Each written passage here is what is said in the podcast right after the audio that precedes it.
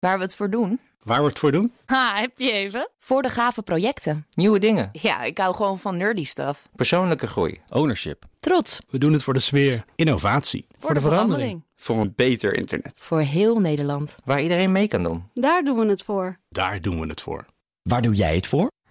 Kom werken voor KPN en groei op jouw manier. Check de actuele vacatures op het gebied van data, security, development en networking op jobs.kpn.com/tech. Wetenschap vandaag. Studenten van de TU Eindhoven staan op het punt om af te reizen naar Antarctica. Ze gaan die kant op om een aantal belangrijke metingen te doen... die nodig zijn voor de bouw van hun zelfrijdende Antarctica-rover. Wetenschapsdirecteur Carlijn Meinders, je hebt ze gesproken. Het, doet me een beetje denken aan de Mars-rover. Is dat terecht? Ja, en nou, het idee lijkt er zeker een beetje op. Eh, Het voertuig moet autonoom gaan rijden. Het moet tegen extreme omstandigheden kunnen. En het gaat allerlei onderzoek verrichten. Ze hebben ook echt wel een beetje gekeken wat zou voor ons nou kunnen werken. Wat op die Mars rover ook zit. Maar er zijn natuurlijk, even los van iets als eh, eh, budget bijvoorbeeld, ook verschillen qua omgeving. Zo zijn de weersomstandigheden bijvoorbeeld heel anders. En alles is wit. Dus zie dan maar eens goed waar je wel en niet kan rijden. Oh ja, en eh, hoe lang werken ze hier al aan? Ze zijn nu een paar jaar bezig. Ewout Hulser van Team Polar eh, vertelde dat het oorspronkelijke idee een stuk minder uitgebreid was.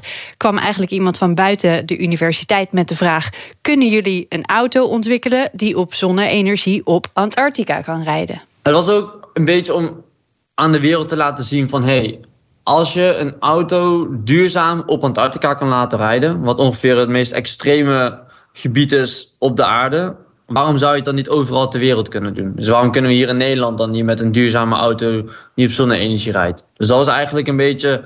het maken van een statement was het idee... En eh, dat is nog steeds in verweven, dat zeker. Maar wij wilden ook nog een extra laag erop bouwen. En dat is dus het onderzoekscapaciteit geworden. Oh ja, dus hebben het zichzelf nog even wat moeilijker gemaakt. Ja, ja, dat kun je wel zeggen. Want alleen al de omstandigheden daar maken het een pittig project, vertelt teamlid Oscar Mannens. Het is een heel droog gebied eigenlijk, wat best wel, wel raar is eigenlijk. Eh, want je kan het eigenlijk vergelijken met een, met een woestijn. Het sneeuwt er vrij weinig. Het is er heel erg koud, heel erg droog, met heel harde wind. Ja, en dan moet je ook nog navigeren in een landschap dat volledig wit is. Geen wegen of borden die kunnen helpen. Alles lijkt op elkaar. Dus niet elke techniek zal ook even geschikt zijn. En daar hebben ze ook al wel wat ideeën over. Zoals het er nu naar uitziet, wordt het waarschijnlijk eh, een radar vooral.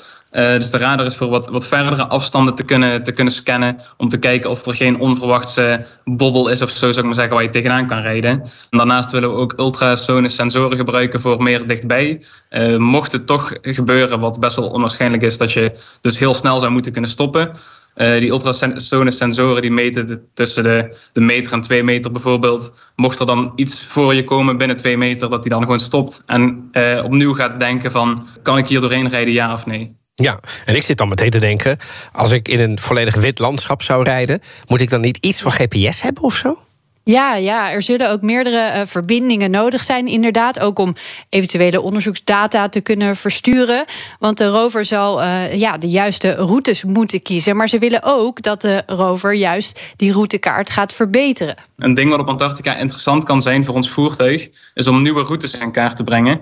Je hebt in Antarctica crevices. En dat zijn eigenlijk gewoon spleten in het ijs. Maar niet elke crevice is open van boven. Dus die kun je niet altijd per se zien. En momenteel uh, worden die vooral in kaart gebracht door satellieten. Maar dat is heel duur en ook niet heel erg nauwkeurig.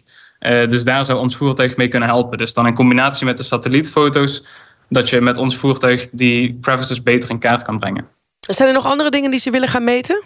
Wat dat betreft zijn de mogelijkheden vrij eindeloos. Er wordt nu nog gekeken aan welke onderzoeken ze eigenlijk allemaal zouden kunnen bijdragen. Uh, maar zo liggen er al een aantal ideeën op de tekentafel, vertelt Hulser. Wat er meestal meteen opkomt is zeg maar redelijk makkelijke data. Zoals temperatuur, windsnelheid, windrichting, vochtigheid. Zeg maar, dat soort dingen. Dat is, ja, kan je een kleine sensor op je auto doen en dan heb je het al. Maar je kan ook nog zeg maar, wat meer kwaliteit data gaan. En dan kan je bijvoorbeeld denken van oké, okay, wat is uh, sneeuwdichtheid? Dus dan kan je een pinnetje in het sneeuw drukken en hoeveel kracht je dan tegenkrijgt is de dichtheid van sneeuw. En als je dat op bepaalde plekken doet, kan je kijken oké, okay, smelt het hier sneller, minder snel en dat soort dingen. Je kan ook De warmtegeleiding kan je meten van de sneeuw. Je kan ook misschien een klein stukje ijs meenemen als een sample. Nou, best veel mogelijkheden dus. Hoe ver zijn ze? Ja. Die laatste uh, plannen, dat zijn nog vooral ideeën. Daarover zijn ze ook in gesprek met bedrijven, met onderzoekers. Verder gaan ze dus uh, volgende week naar Antarctica om metingen te doen. Vooral van de zonsterkte. Want als je een zonneauto ontwikkelt, dan moet je wel weten met hoeveel energie dat ding straks kan gaan rondrijden.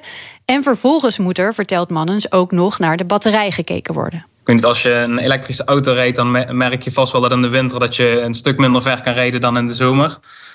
In Antarctica is het natuurlijk uh, nog veel, uh, veel erger vanwege de kou. Dus we zijn aan het kijken van of we de batterij kunnen isoleren, of dat we hem actief kunnen verwarmen.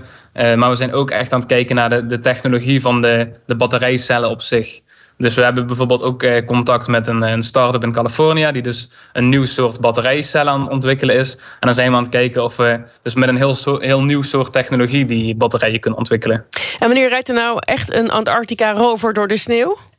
Ze willen het eerste rijdende prototype voor deze zomer af hebben. Dan kunnen ze daarmee echt gaan testen. Waarschijnlijk wel eerst in Scandinavië. Nou doe je zo'n teamproject meestal voor een jaartje of zo. Maar deze teamleden lieten al weten dat ze nog heel lang betrokken willen blijven bij dit project. En Hulser denkt zelfs al verder dan dit ene voertuig. Een autonoom, duurzaam onderzoek. Daar staan we eigenlijk voor. Maar die drie zeg maar, pilaren die kan je ook toepassen op een ander onderzoeksvoertuig. Bijvoorbeeld weet niet, op een droom bij de Mount Everest of op een onderzeeër dicht bij gletsjers. Ik had toch iets anders moeten gaan studeren, Carlijn, als journalistiek. Ze ja, mogen dit gewoon allemaal doen. Toch? Ja. Ik had dit geweldig gevonden als ik dit tijdens ja. mijn studie had kunnen doen. Maar goed, op deze manier leven we allemaal toch een klein beetje met ze mee. Zo is het ook. Carlijn, dank ook Liesbeth Staats vind je in de BNR-app. Ja, heel handig. Luister live naar Kees en mij tijdens de Daily Move. Dan blijf je ook gelijk op de hoogte van breaking news en het laatste zakelijke nieuws. En daar vind je ook alle BNR-podcasts, waaronder de Perestrooikast. Download nu de gratis BNR-app en blijf scherp.